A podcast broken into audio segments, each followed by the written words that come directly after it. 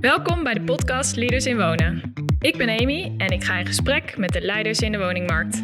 Waarom? Omdat wonen iedereen raakt. Veel thema's in de woningmarkt vragen om een oplossing. Daarom ga ik op zoek naar de antwoorden van de leiders. Bovendien wil ik deze mensen leren kennen. Wie zijn het eigenlijk en wat drijft ze?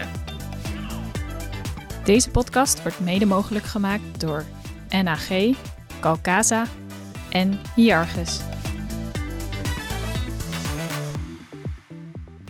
Vandaag ga ik in gesprek met Servaas van der Laan, hoofdredacteur van Vastgoedmarkt. Servaas werd geboren in Oud-Beijerland. Hij studeerde Italiaans en journalistiek aan de Rijksuniversiteit Groningen. Servaas startte zijn carrière op de ambassade in Rome en in 2012 maakte hij de overstap naar de journalistiek en ging werken bij Elsevier. In 2015 trok Servaas als verslaggever door Oost- en Zuid-Europa, waar hij verslag deed van de migratiestromen. Vanaf 2016 schreef hij over de impact van technologische veranderingen op de samenleving en over de huizen- en vastgoedmarkt. Sinds 2019 is hij hoofdredacteur van Vastgoedmarkt. Servaas is 36 jaar, woont met zijn vriendin en dochter in Rotterdam. Hij is dol op Italië en geïnteresseerd in huizen, wijken en talen. Leuk dat je de tijd neemt om vandaag met Leaders in Wonen hier in uh, Rotterdam in gesprek te gaan. Welkom. Dank je, Amy. Ik uh, wil beginnen met vragen aan jou uh, om iets meer te vertellen over vastgoedmarkt. Vastgoedmarkt, ja, graag. Nou, vastgoedmarkt is het platform eigenlijk voor de vastgoedprofessional. het is een vakblad dat in 1974 is opgericht door Dirk, Rompelman. En in de loop der jaren is het eigenlijk een, ja, het, een, een, een, informatief platform geworden, zowel digitaal als in print. En we richten op ons op de commerciële onroerend goedmarkt. Dus eigenlijk iedereen die in vastgoedmarkt werkt, kent het wel. En komt er graag op om de laatste nieuwtjes te lezen of tegenwoordig ook te luisteren en te zien. En nou, dat is eigenlijk in het kort wat, vast, wat, waar vastgoedmarkt voor staat. Ja. En jij schrijft al sinds 2016 over de vastgoedmarkt. Ja. Wat vind je zo interessant aan de vastgoedmarkt? Ja, uh, goede vraag. Dus eigenlijk, ik ben er wel een beetje ingerold, maar het is ook weer niet zo heel toevallig. Uh, het eerlijke verhaal is dat er een binnen... Ik werkte bij Elsevier en er was er toen een vacature, kwam er vrij binnen Elsevier. Ik werkte eerst echt op de nieuwsredactie. En toen kwam er op de economieredactie een, een plek vrij. En dat waren eigenlijk twee plekken was één iemand die schreef over vastgoed en over de woningmarkt. En de andere schreef over technologie. En die gingen allebei weg. En toen zocht ze iemand die, uh, die een van de twee wilde gaan doen. En ik zeg van, nou ja, ik kon eigenlijk niet kiezen. Dus toen heb ik uh, voor beide gekozen. Ik zeg, kan ik ook beide portefeuilles? En dat kon. Dus uh, toen ben ik deels over vastgoed gaan schrijven, deels over technologie. Beide ontzettend interessante gebieden. Um, en toen ben ik eigenlijk ook besmet geraakt met het, met het vastgoedvirus. En tegelijkertijd was ik ook zelf een huis aan, aan het verbouwen. Uh, en ik ben in, ontzettend dol op, op, uh, op gebouwen en verschillende soorten gebouwen, helemaal met name historische gebouwen. dat, dat vind ik heel leuk. Maar wat het eigenlijk het echte leuk aan vastgoed is, is dat, dat het eigenlijk iedereen, iedereen ziet het voortdurend, maar er gaat een hele wereld achter schuil. en die zien de meeste mensen niet. En we hebben dagelijks te maken met, met vastgoed natuurlijk. Hè. Dus we wonen, winkelen, werken, is altijd een cliché, maar dat is wel waar. En ja, dat is gewoon een fascinerend gebied. Uh, want er, gaan inderdaad, er gaat een hele wereld achter schuil van, uh, van ontwikkelaars, beleggers, makelaars. En, en vastgoed zelf blijkt ook nog eens een hele nou ja, sector te zijn waar mensen um, best wel amicaal of eigenlijk heel vriendelijk met elkaar omgaan. Het is best wel een hele open, open sector naar elkaar toe. niet zo open naar, naar de andere sectoren, naar, naar de buitenwereld. Hè. Dat is vaak een beetje moeilijk. Maar um, ja, alles bij elkaar zorgt dat ervoor dat ik het eigenlijk wel een heel leuk, uh, leuk gebied vind om over uh, te schrijven als, uh, als journalist. Ja, er, zijn heel veel, er zijn heel veel verhalen liggen er eigenlijk op straat binnen, binnen vastgoed. Ja. ja, en je zegt er gaat een hele wereld achter schuil en jij hebt daar denk ik nu een beetje een idee van. Ehm, ja, wat, wat viel je dan op toen je begon met schrijven over deze markt? Nou ja, ik ben natuurlijk uh, meegelift eigenlijk op de, op, de, op de gekte op de woningmarkt. Dat is eigenlijk wat, het meeste wat, me, wat, wat, wat je natuurlijk is opgevallen als je over vastgoed gaat schrijven. In 2006, 10 ongeveer ben ik daarmee begonnen. Nou, sinds 2013 zijn, zitten huizen in de lift qua prijzen. En nou, dat begon toen steeds meer te komen. heb ik ook vaak over verbaasd en ben ik vaak historische stukken over gaan lezen. Van. En dan zag je heel vaak dat artikelen in 2016 heel erg leken op artikelen in, uh, ook in 2005, 2006, in de aanloop naar de crisis van 2008. Dus ik ook heel vaak afgevraagd van wanneer komt die crisis nou? Hè? Dus als je, als je me vraagt van wat is de een van de grootste dingen die mij is opgevallen, dat is dat is dat eigenlijk, dat die crisis ook maar niet kwam. Dat het maar door, door is blijven, blijven gaan. Dat die rentes maar bleven dalen. Ongelooflijk eigenlijk. Uh, en dat daardoor, um, ja, en eigenlijk ook dat, dat die schaarste maar bleef oplopen. En dat er nou, nooit genoeg urgentie was bij, uh, bij, of bij overheden of bij, nou ja, gewoon bij, ook bij het Rijk om, om daar wat aan te doen. Dus uh, dat bleef maar gaan. En je zag steeds meer mensen in de knel komen. En dan heb je het echt over de koopwoningenmarkt, maar ook de huurwoningenmarkt, waar natuurlijk de huren enorm zijn gestegen. Ja, dan zag je toch uh, dat dat maar door bleef gaan. En volgens mij is er nu pas, zeg je in, deze, in de huidige verkiezingscampagne, zeg je daar de soort wil van, nou, we moeten er nu wel echt wat aan gaan doen. En we moeten echt een minister komen die, uh, die, die, die, dit probleem gaat aanpakken. Dat is een van de, van de ja, natuurlijk, uh, grootste dingen die mij is, mij is opgevallen. Tegelijkertijd is vanuit mijn technologie, technologiekant is me binnen de sector ook opgevallen dat, dat, het een vrij traditionele markt is, ook qua, qua denken. Dat is ook wel goed. Vastgoed is per definitie natuurlijk iets voor de hele lange termijn. Omdat die gebouwen staan er meestal ruim 100. Dit gebouw waar we nu in staan is in 1929 gebouwd, waar we dit opnemen. Dus uh, dat is 100 jaar, bijna 100 jaar oud. En daardoor hebben mensen die in vastgoed werken ook vaak een lange termijn visie. dat is heel goed, maar daardoor mis je misschien wel eens de, de laatste ontwikkelingen, zeg maar, dat, dat, dat het aan het veranderen is. En dan merk je met name in de retail, dat je toch wel echt wel veranderend consumentengedrag ziet. En dat toch nog wel heel veel beleggers en ook wel andere mensen geloven dat het gewoon al, ja, dat dat allemaal een beetje een hype is, het e-commerce, dat het allemaal wel over zal waaien. Terwijl dat uh, echt niet het geval is. En er zullen echt nieuwe verdienmodellen moeten worden bedacht voor, voor retail vastgoed. nou, die, die boodschap is inmiddels ook wel aangeland, hoor, maar dat heeft wel, wel een, tijdje, tijdje geduurd. Dus dat, dat viel me ook wel, wel heel erg op. En wat je bijvoorbeeld zag in de, bij de banken, is dat die fintech die banken enorm hebben aangevallen en zo. Dat is in vastgoed eigenlijk nog niet gebeurd. Dus dat vind ik ook wel opvallend aan vastgoed. Ik denk dat vastgoed een van de laatste markten is die nog echt eh, gedisrupt uh, uh, moet en kan worden. En dat gaat ook wel gebeuren, maar dat, tot, tot op heden is dat nog niet echt gebeurd. En waarom niet? Ja, die vraag heb ik mezelf heel vaak gesteld, en ook als journalist aan anderen. En het antwoord is toch vaak, het gaat te goed. Dus de, als, er, als, het, als het in de markt te goed gaat, is er geen reden om, om dingen te veranderen. Dus eigenlijk is, ja, het geld verdienen is toch wel redelijk makkelijk gebleken de afgelopen jaren in, vastgoed. Dan is er geen noodzaak om dingen te veranderen. Tegelijkertijd is, uh, vastgoed zijn gebouwen en dat is per definitie offline. En dat is vrij ingewikkeld om te zetten in data. En je ziet juist dat disruptie is makkelijk in sectoren waar, waar data een grote rol speelt. En dat, is, ja, dat is toch een stuk, stuk lastiger te realiseren in, in vastgoed. En bovendien houdt de vastgoedsector ook die data met name bij zichzelf. Dus het is ook moeilijk voor externen om dan de boel aan te vallen. Maar het is met name als je kijkt naar makelaars en taxateurs. Dus het, taxeren van een, van een gebouw, ik denk dat dat voor een groot gedeelte in de toekomst toch wel een gedigitaliseerd product wordt. Hè. Met de behulp van AI kun je ook voorspellingen doen over waardeontwikkeling en over waardes van een, van een gebouw ja, ik denk wel dat dat de toekomst is. Want uiteindelijk, wat ook een makelaar doet, is natuurlijk heel veel verschillende soorten informatie over een gebouw verzamelen. En dan daar een oordeel over hebben. En dan zeggen van, nou, dit is dit waard. Of je, jij wil je hier vestigen. Nou, en, ze maken nu al heel veel gebruik van data daarbij. Maar ik denk dat in de toekomst er ook wel partijen zijn die uitsluitend gebruik zullen maken van data. En dat ze zeggen van die makelaar, die hebben wij hierbij niet meer nodig. Dus dat zijn denk ik, als je mij zo vraagt, even drie dingen die mij zijn opgevallen is het dat wel, denk ik, ja. ja en denk je dat uh, corona nog impact gaat hebben op ontwikkeling in de markt? Ja, corona heeft zeker impact. Dat zie je natuurlijk. Met name retail is zwaar uh, getroffen. Uh, dat is deels natuurlijk een tijdelijk effect. Want als je winkel niet open mag, dan kan je geen geld verdienen, kan je geen huur betalen. Hetzelfde geldt voor, voor horeca, hotels. Thuiswerken gaat denk ik wel wat doen. Uh, maar wat je eigenlijk ziet is dat het een... ja, het is heel cliché inmiddels, maar het is een versneller van bestaande processen.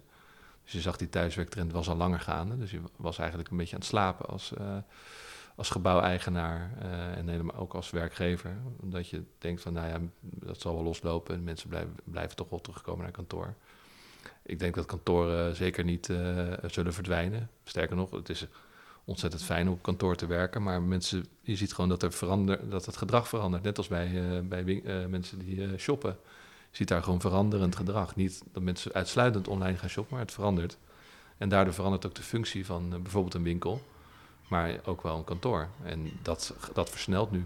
En ik denk dat het een heel mooie kans is om veel verouderde kantoren nu om te bouwen tot plekken waar je wilt zijn. Want volgens mij moet een kantoor een positieve keuze zijn, waar je graag wilt zijn, waar je graag wilt bijvoorbeeld, eh, we nemen dit nu bij mij thuis op, maar het zou natuurlijk fantastisch zijn als we op kantoor een podcast, een uh, studio hebben en, een, uh, en een, een videostudio waar je die dingen kunt doen, maar ook plekken waar je mensen kan ontvangen, waar het fijn is om te zijn. Misschien wel een hele mooie bibliotheek waar je heel veel, waar je in alle rust je kan terugtrekken. Weet, weet ik niet, maar gewoon faciliteiten die misschien mensen thuis niet hebben en die je dan op kantoor wel biedt. Dat is een positieve keuze. En ik denk dat dat nu versnelt. Mensen, dat die boodschap sneller, sneller aankomt. Ja. En uh, ja, ik denk helemaal met, met uh, het fileprobleem en zo. De mensen ook, uh, ja, ik stond, stond, er ook altijd in, s ochtends. En ik van, wat doe ik hier, weet je wel. Ik, ik schaamde me eigenlijk al, s ochtends, als ik daar in zo'n file stond. Met allemaal mensen, vaak ook in een eentje in een auto. denk je, eigenlijk schaamde ik me daar al een tijdje voor. Van wat, wat is dit nou voor inefficiënt? We, zijn doen, we doen ons hele leven zo efficiënt en dit is zo inefficiënt. Nou ja, dat soort dingen gaan nu, dat is gewoon even een soort resetknop is er nu geweest ja, dat gaan we gewoon niet meer, eh, niet, meer zo, niet meer zo doen. En dat geldt ook wel voor dingen vastgoed. Maar nogmaals, het is een versneller van dingen die al lang uh, gebeurden. Je hebt het over werkplek als, uh, als fijne, positieve plek. en nou ja, leidinggeven is daar natuurlijk ook belangrijk bij. Ik ben wel benieuwd, hoe krijg jij anderen mee? Ik vind het altijd wel leuk om gewoon, als je ideeën hebt, vind ik het leuk om dat dan uit te voeren. En dan leuk om mensen daarin mee te krijgen. Maar ik denk dat het hoe krijg je mensen mee, uh, is eigenlijk alleen maar door als ze het zelf ook uh, zien zitten en, en leuk vinden en, uh, en enthousiast over iets zijn. En ergens goed in zijn. Dus het is ook heel lastig om mensen die bijvoorbeeld op een bepaald ding niet zo goed zijn, om ze dan daar de hele tijd over van je moet dat doen. Dat, maar ik, ik geloof heel erg in de positiviteit. Ik ben een, als je het over leidinggevende hebt, ik ben dan nog maar een tijdje leidinggevende. Maar ik geloof wel heel erg in het vanuit positiviteit leiding geven. Dat ze ook. Dus dat is het enige wat een leidinggevende moet doen, volgens mij, is niet in de weg staan. Je moet vooral gewoon mensen zelf uh, laten gaan. En uh, nog iets meer over jou uh, persoonlijk. hoe ben jij opgegroeid in wat voor omgeving? In wat voor omgeving? In een, in een boerengebied in de Hoekse Waard. Dat is een, ik zeg altijd, een soort onbekend gebied eigenlijk in Nederland. Uh, ik heb in Groningen gestudeerd en er waren altijd met weinig mensen die daar uh, wisten dat dat bestond. Joeksewaard is ver weg natuurlijk. Maar het is eigenlijk het eiland onder, onder Rotterdam. Dus een soort eiland. Het laatste eiland van Zuid-Holland. En er liggen een paar dorpen op dat eiland. Het is best wel een, eh, een kerkelijk gebied. De Bijbelbelt loopt daar dwars door, doorheen. En ik ben daar geboren in een dorp dat heet Oud-Beierland. En ik, ben daar, ik heb nog een ander dorp gewoond, dat heet Klaaswaal.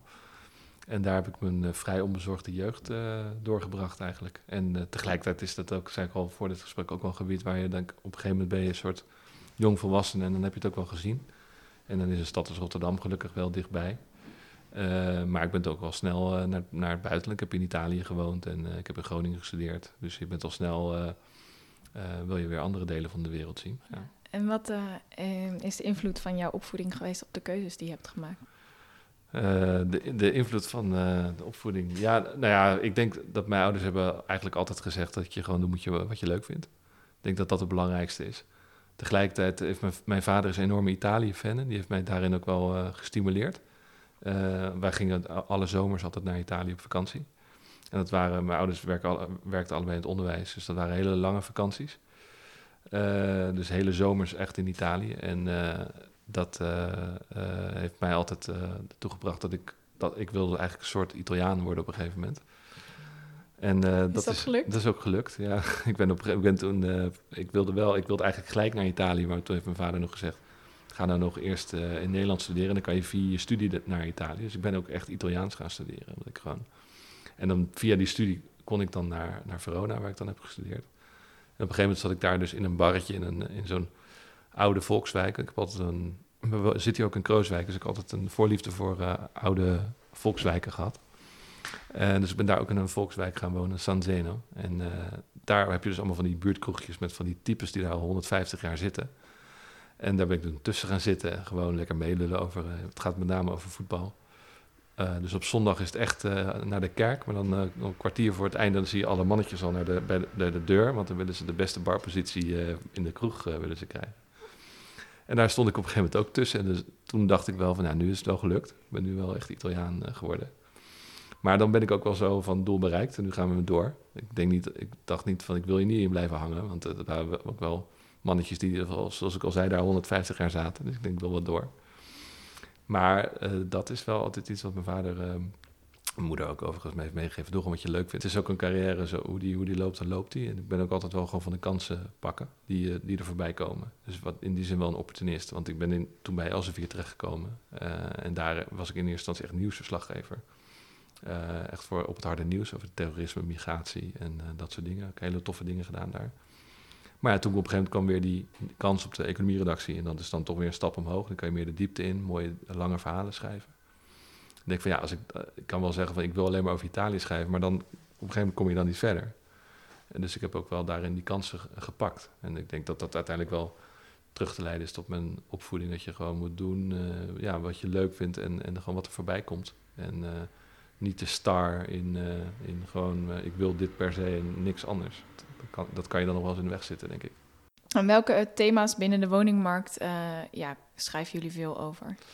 Nou ja, wij schrijven natuurlijk over de woningbeleggingsmarkt met name. Hè, omdat onze doelgroep de, ja, is toch de vastgoedprofessional. Dus dat is niet de koopwoningenmarkt over het algemeen.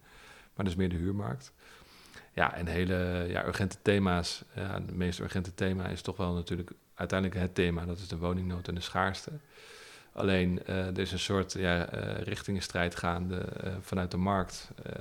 hoor je heel veel van ja, het, het probleem, de oplossing is meer bijbouw, hè, dus meer aanbod. En de politiek zit toch meer op het, het reguleren en het beperken van de vraag. En dat kan je dan doen door bijvoorbeeld de beleggers buitenspel te zetten of allemaal regels te bedenken waardoor starters meer, meer aan bod komen.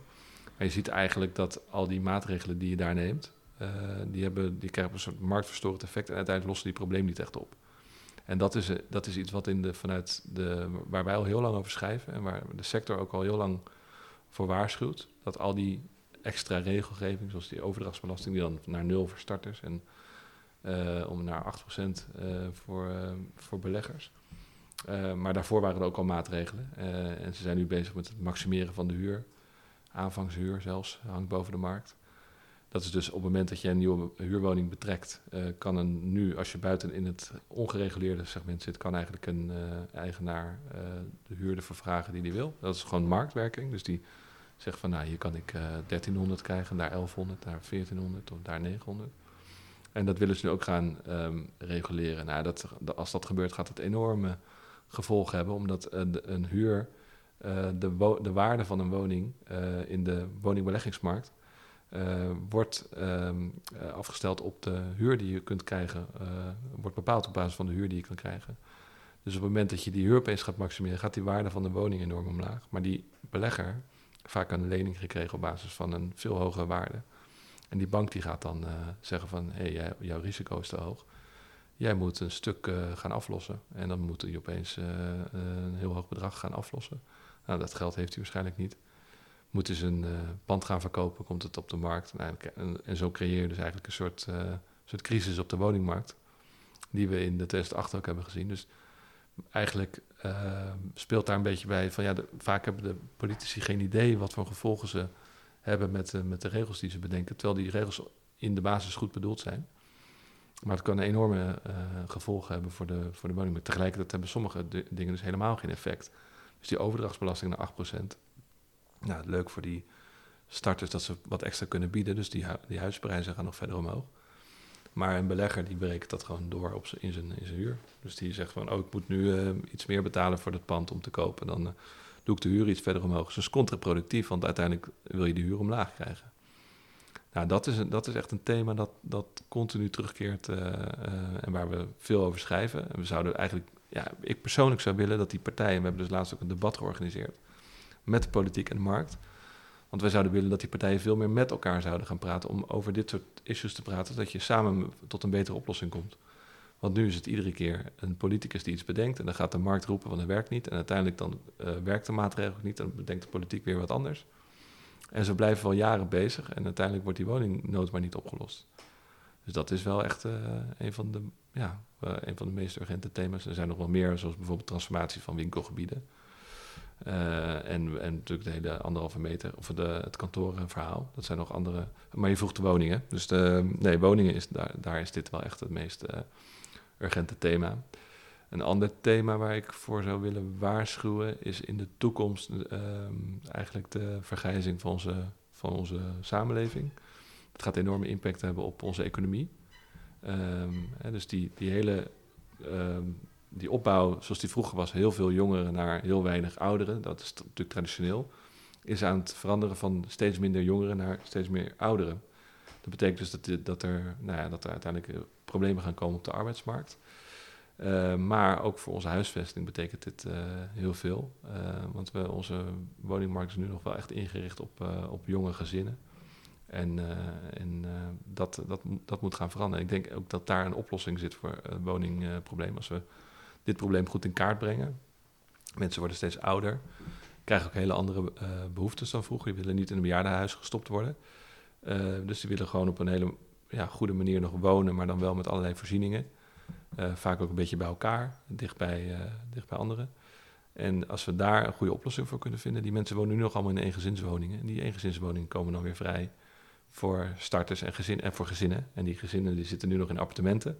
En dan kunnen de starters in die appartementen. Dus ik denk dat een, ook een key, een oplossing van die woningnood echt bij die senioren ligt.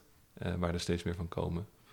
Dus je ziet nu wel hele slimme beleggers die al echt uh, daarmee bezig zijn. Die echt zich alleen maar, dat heet dan zorgvastgoed, maar het komt eigenlijk op neer dat, uh, dat nee, je hebt bijvoorbeeld mensen, je hebt partijen die echt uh, op, het feit dat we ouder worden betekent ook dat allerlei welvaartsziektes krijgen. Dus we worden fysiek worden we ouder, maar mentaal krijgen we last van allerlei problemen, zoals Alzheimer.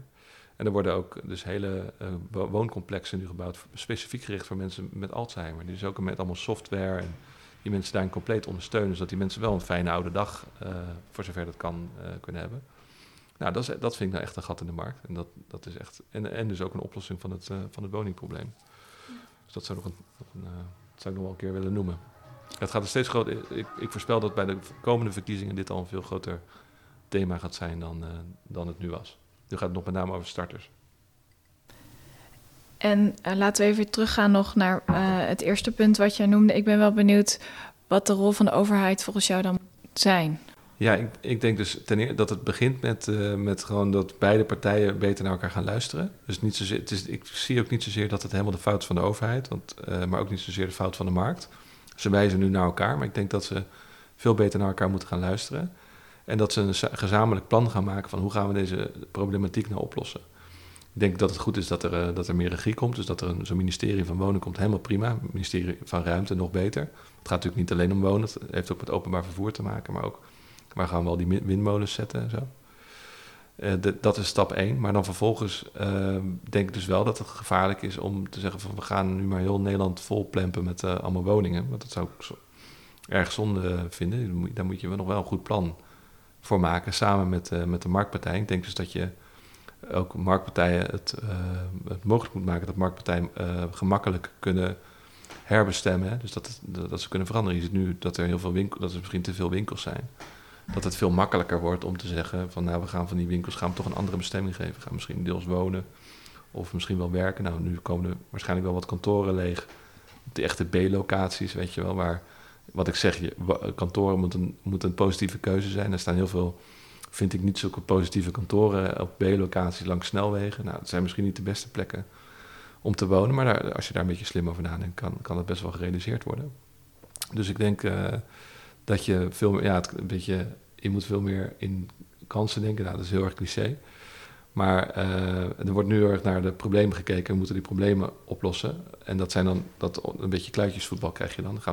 We willen de starter in de, in de grote stad helpen. Maar je, moet het eigenlijk als een, als een geheel uh, zien. Nederland We wonen maar op 12% van onze uh, woonoppervlakte, dus er is nog wel ruimte. En we kunnen dat misschien wel wat slimmer inrichten met elkaar. Dus de, woning, de woningnood is deels ook een spreidingsprobleem. Hè? Het is eigenlijk, er staan genoeg huizen in Nederland. Maar stel je nou voor dat we dat veel slimmer gaan organiseren. Dat het uh, interessanter wordt om in buitengebieden te wonen. Of dat er meer werkgelegenheid in Groningen komt. Of met betere openbaar vervoersverbindingen. Dus er, zijn, er zijn tal van, van oplossingen. Maar dan moet je, je moet dus, ja, denk dat je niet zozeer heel erg op inzoomt op die kleine problemen, maar dat we gewoon het, dat we alle issues bij elkaar pakken en dat we zeggen van nou kunnen we hier niet gewoon een integraal uh, plan voor bedenken, samen met de markt. In plaats van dat je de markt de hele tijd als boeman ziet die al die problemen veroorzaakt. Want die markt ja, wil eigenlijk ook gewoon uh, ja, dingen bouwen, organiseren. En daar zit creativiteit en daar zit geld. Dus daar zou ik mee, mee samenwerken. En, dat, en tegelijkertijd moet de markt ook zeggen van die excessen willen wij niet. Nou, dus, dus die, uh, die buitenlet uh, beleggers die echt alleen maar uh, speculeren of, of inderdaad alle woningen opkopen. Ja, daar moet je dan inderdaad wat aan doen. Dan moet de markt ook zeggen van nou, dat, dat gebied dat willen we niet. Maar wat willen we wel? We willen wel met z'n allen willen we gewoon die woning gaan realiseren. En dat, zodat iedereen gewoon een stabiel rendement heeft. En uiteindelijk komt er dan weer een beetje rust op die markt. Dus je je moet rust brengen, denk ik. In plaats van paniekvoetbal. Het is nu een beetje paniekvoetbal uh, de afgelopen jaren geweest. Dat is nooit zo goed voor een markt. Je noemde ook al uh, de transformatie van uh, um, gebouwen die een andere functie krijgen. Ik las ook op jullie website um, bedrijventerrein Nieuw uh, Matenesse, dat het getransformeerd is naar een woon-werkgebied. Hoe makkelijk is het om ja, van functie te veranderen als nou ja, in ieder geval dan de overheid daar akkoord voor heeft gegeven. Hoe makkelijk is het of hoe rendabel is het eigenlijk om dat te doen? Nee, makkelijk is het niet. Althans, je hebt transformaties heb je altijd in verschillende gradaties. Hè. Dus als het gewoon op een, op een gebied, als bijvoorbeeld die kantoren op, in een gebied liggen, dichtbij OV-punten, dichtbij andere woongebieden, dan is het vaak niet zo ingewikkeld. Maar het, eh, de, meestal zijn die gebieden al getransformeerd. Dus dan heb je nu dan de, de moeilijke gebieden blijven dan over. Ja, het is, het is ingewikkeld vaak. Je zit vaak met uh, vervuilde grond bijvoorbeeld. Maar ook vaak met verschillende eigenaren. En ja, het is ook niet altijd even makkelijk om al die eigenaren op dezelfde lijn te krijgen. Sommige eigenaren hopen nog op, op betere tijden. die willen, ja, laten hun pand dan liever leeg staan bijvoorbeeld. Dus je hebt heel veel verschillende problematieken ja, soms is het ook, maar vaak is het ook een, eh, een herbestemmingsprobleem. Soms wil een gemeente nog heel erg graag kantoren en werkruimtes in, in hun gemeente hebben, terwijl ze eigenlijk een woongemeente zijn geworden. Dus dat zie je ook. En dat gemeenten een soort idealen hebben over een gemeente die ze zouden willen zijn, maar dat eigenlijk al lang niet meer zijn. En dan willen die beleggers al lang van, joh, maak hier maar woningen van. Ja, en bij winkels speelt natuurlijk gewoon dat, dat een winkelvastgoed is in, is in de basis uh, meer waard dan, dan woningvastgoed. Dus op het moment dat je, uh, omdat die huren gewoon, commerciële huren liggen gewoon hoger dan, uh, dan woninghuren. Dus in de basis is dat dan gewoon een flinke afschrijving voor een belegger. Als die zijn winkel toch, en dat, dat verklaart ook voor een deel natuurlijk de, het trage besef dat e-commerce echt het winkelgebied aan het van is. Er zullen gewoon echt winkels omgebouwd moeten worden tot woningen. En dat is vaak een hele negatieve re rekensom voor, voor een eigenaar. Ja, daar moet je gewoon uh, daar moet je wat aan doen als, als overheid. Je ziet in sommige gebieden dat dan gewoon een overheid gewoon een heel winkelcentrum uitkoopt. Is gebeurd in Oosterhout. Dus dat ze gewoon die beleggers allemaal uitkopen. Van hier heb je je, je inleg terug en dan gaan wij het wel doen. Pakken wij dat verlies wel. Want ja, het is natuurlijk heel onnatuurlijk voor een belegger om je verlies te pakken. Tegelijkertijd zal je in sommige gebieden toch echt moeten, je moeten realiseren, ja, die winkel die gaat hier echt niet meer komen. Dus neem je verlies, weet je, dat je hebt er ooit heb je er goed geld mee verdiend en ja, die tijd is geweest en dingen veranderen. Dus moeilijk is het zeker, maar onmogelijk is het niet. En dat is ook weer wat ik net zei, van als alle neuzen dezelfde kant op gaan, als de gemeente wil, als de beleggers willen, als de ontwikkelaars willen, bewoners willen, als iedereen het wil, dan is het makkelijk. Maar ja, het, de, de moeilijkheid zit hem erin om iedereen op dezelfde lijn te krijgen. Hetzelfde met de woning eigenlijk. En uh, verduurzaming is natuurlijk ook een groot thema. Um, en een, een, grote opgave die de komende periode daar uh, voor uh, partijen aan zit te komen. Ja. Um, ja, hoe zie jij dat, dat partijen daar echt op voorbereid zijn en, en kunnen zij die opgave ook echt aanpakken? Ja, ligt natuurlijk aan welke partij je het uh, hebt. Je ziet over het algemeen dat de woningbouwers er wel voortvarend mee aan de slag gaan. Je ziet nu wel, uh, er wordt nog wel wat gemopperd over, de, over het gasloos. dat daar echt zo'n rigoureuze keuze wordt gemaakt voor best wel gewoon een schone brandstof. Dat is natuurlijk een beetje vreemd, maar goed.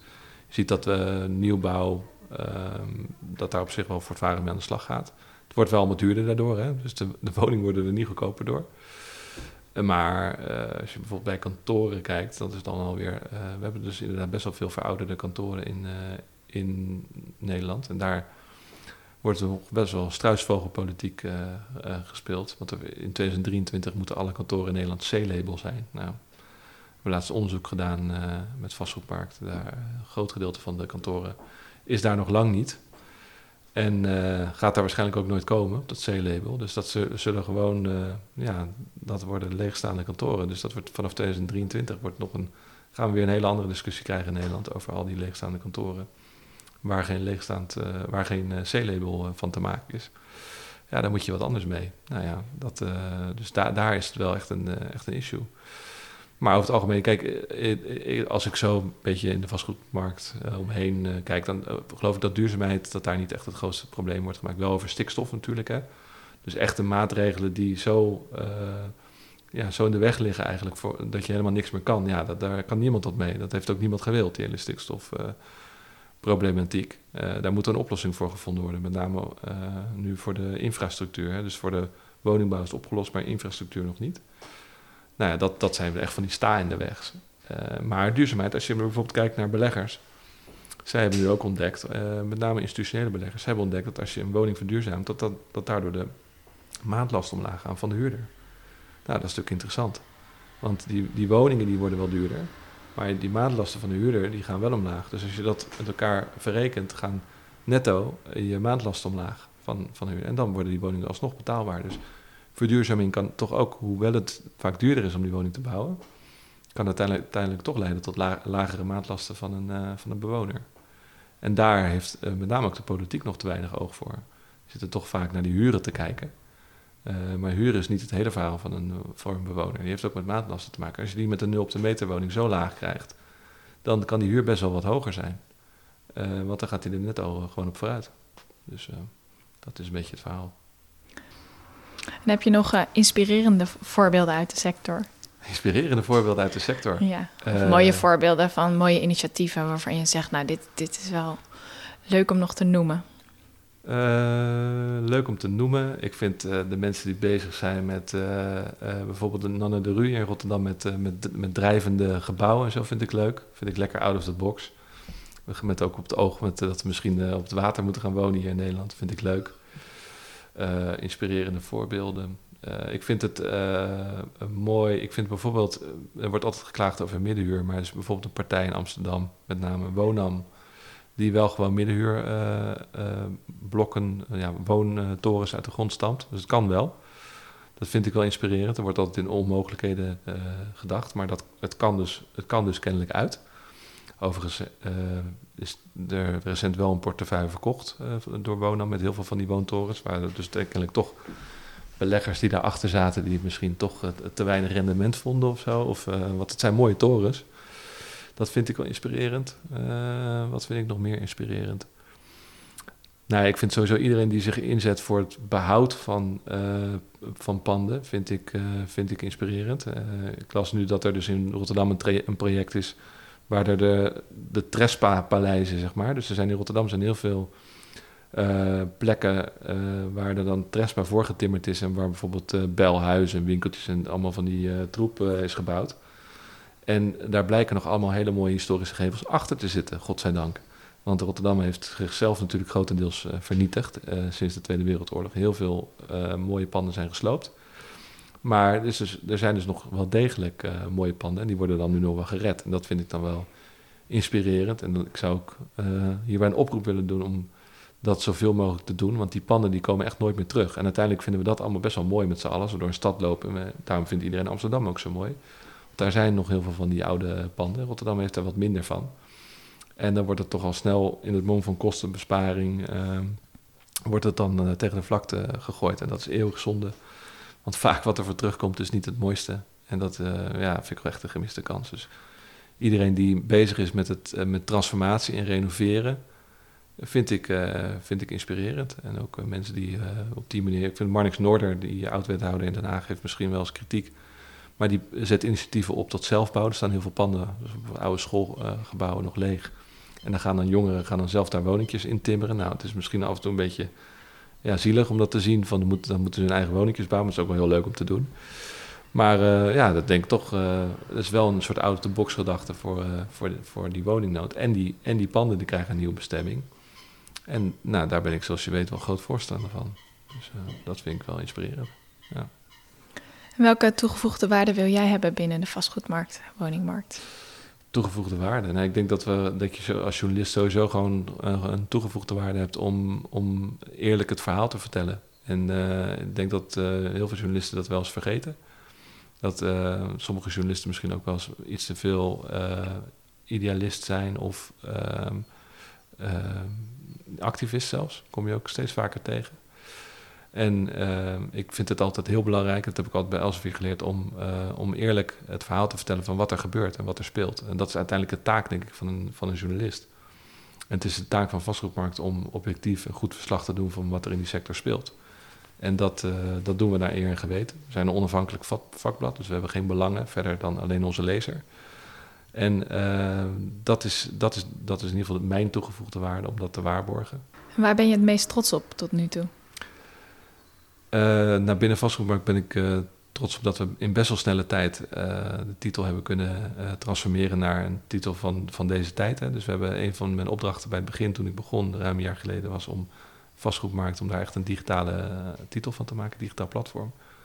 Dat is grotendeels gelukt, ook een beetje dankzij corona, omdat mensen natuurlijk thuis gaan werken. Dus veel meer, ja, ze gaan niet meer op, naar kantoor, veel minder althans, om daar de, de, de krant te lezen. Ze gaan daar toch, uh, uh, zijn meer aangewezen op het internet, op online. En dat hadden we net goed staan. Dus daar ben ik toch wel een beetje trots op dat dat zo goed is gegaan. Want je verwacht nooit dat dat, uh, althans je denkt wel van ik kan wel een beetje verschil maken. Maar het is eigenlijk boven verwachting goed gegaan. En dat, daar ben ik wel trots op. Um, nou ja, privé ben ik trots op, op mijn dochtertje en op mijn vriendin en op dit huis wat we hier hebben verbouwd. Dat is ook best wel een klus geweest. Dus uh, dat had ik ook nooit voor mogelijk geacht dat ik gewoon een, een, heel pand in mijn eentje, of niet in mijn eentje met mijn vriendin, dus heb kunnen renoveren. We hebben het ook zelf aangenomen, hè, dus we hebben grotendeels ook zelf gedaan. En uh, dat, uh, daar ben ik wel trots op. En ik ben op één ding binnen, wat ik bij Elsevier heb gedaan, is ik ben toen door Europa gaan reizen langs die migratiestromen toen, dat, toen die migratiecrisis bezig was. En dat is wel echt, denk ik, een van de hoogtepunten uit mijn loopbaan geweest tot nu toe omdat we ook daar uh, die objectieve verslaggeving hebben kunnen doen. Ook daar werd, werd vaak een eenzijdige uh, kant van het verhaal uh, verteld. Het was of als je een beetje aan de rechterkant van het spectrum zat, zag je mensen vertellen van het zijn allemaal, allemaal terroristen en komen allemaal ellendelingen jullie kant op. Of er het werd verteld, het zijn allemaal huilende kinderen en zielig en iedereen moet opgevangen worden. En ja, het echte verhaal was gewoon heel genuanceerd. En waren, de meeste mensen waren helemaal niet zielig. En uh, zochten gewoon een nieuwe kans. En die uh, gingen erop uit om die kans in Europa te vinden. Nou, je kan die mensen onmogelijk kwalijk nemen. Uh, een tweede is of je dit op deze manier moet willen organiseren. Want het is natuurlijk een enorme gevaarlijke reis. En dat is ontzettend, ja, moet je denk ik niet willen als, als continent en als mens. Maar uh, om daar objectief verslag uh, van te kunnen doen en ook daar ogen en oren open houden door niet alleen maar achter de meute aan te gaan, maar ook naar gebieden van, goh, zal ik daar eens kijken en dan daar ook echt op het nieuws stuiten. Daar ben ik wel trots op. En um, hoe uh, organiseer je de verhouding werk-privé, dat het voor iedereen ook thuis werkt? Dat het voor iedereen werkt. Nou ja, ik denk dat het heel belangrijk is om helemaal door het thuiswerken dat, dat werken een eigen domein heeft, fysiek. Dus dat, ik heb op zolder een kantoortje gebouwd en dat is mijn werkplek. en wat ik voorheen ook niet had en nu wel met opzet is een werktelefoon. Zodat je toch ook op een gegeven moment... kijk, voor een journalist is het altijd lastig om wonen, werk, privé. Maar op een gegeven moment, wat ik bij Elsevier althans had... is dat het eigenlijk gewoon helemaal door elkaar liep. En dat is ook niet goed. Want je kan, ook als journalist kan je ook best wel eens gewoon een keer... helemaal als je niet bij een breaking news zender werkt, zeg maar. En dat is, bedoel, we zijn nu echt een vakblad, dus je kan ook echt wel eens een keer op zondag je telefoon uitzetten. Uh, dat, dat, dat, dat is gewoon dat moet je gewoon doen, als, ook als journalist, denk ik. Anders hou je het niet vol. Uh, je hebt wel de echte nieuwsjunkies. Ik ben dat ook echt wel veel meer geweest. Maar ik merk ook dat dat een aanslag is op je gezondheid en op je, nou, op je privéleven. Dus dat uh, heb ik voor mezelf gedacht van, nou, dat heb ik nu een paar jaar heb ik zo geleefd. En ik wil niet voor altijd zo leven. Dus ik ben ook uh, dat voor mezelf beter gaan organiseren. Ik denk dus dat je het organiseert door uh, werk en plek te geven, letterlijk. Dus dat je ook op zolder de deur achter je dicht kan staan. Um, zou je nog iets willen vertellen wat ik vergeten ben te vragen? Um, nou, ik, hoorde laatst een hele leuke oplossing voor de woningnood. Die vond ik lekker out of the box. Dus die uh, deel ik gewoon. En dat uh, is. Uh, ik was van een gepensioneerd projectontwikkelaar die had een heel geinig idee. Dat was om woningcorporaties een deel van hun zittend vastgoed te verkopen aan de zittende huurder. Dat zijn vaak mensen met kleinere inkomens. Maar dan kan je dan, omdat die rente zo laag is, is dat op zich best goed te organiseren. Die betalen dan nu misschien 400, 500 euro aan huur. Maar dan betalen ze dan een hypotheek. En uh, het is een, ten eerste is het natuurlijk een oplossing om woningcorporaties... Die hebben vrij veel verouderd vastgoed. Die duur is om te renoveren en duur onderhoud en dergelijke. Eigenlijk willen ze daar vanaf. Een deel is ook te groot eigenlijk voor, voor waar een doelgroep voor is bedoeld. Nou, daar zijn ze dan in één klap vanaf. Volgens deze meneer kan hier 100 miljard mee worden vrijgespeeld door woningcorporaties.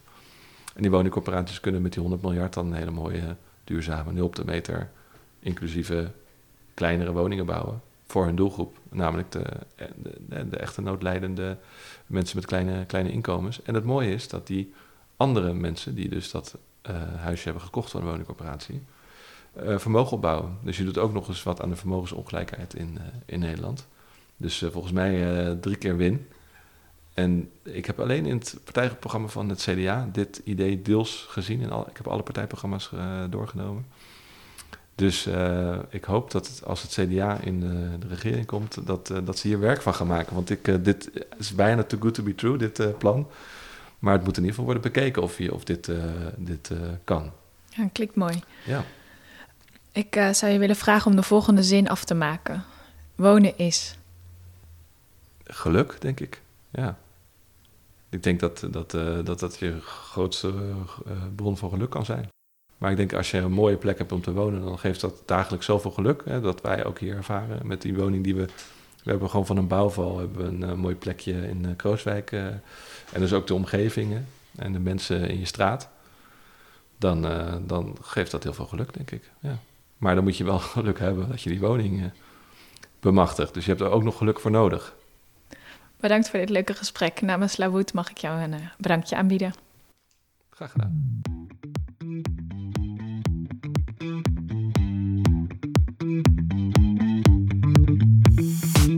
Leuk dat je luisterde naar de podcast Leaders in Wonen. Voordat we afsluiten wil ik graag de partners van deze podcast bedanken. NAG, Calcasa en Hiargus. Vergeet je niet te abonneren bij Spotify of Apple. Tot de volgende podcast.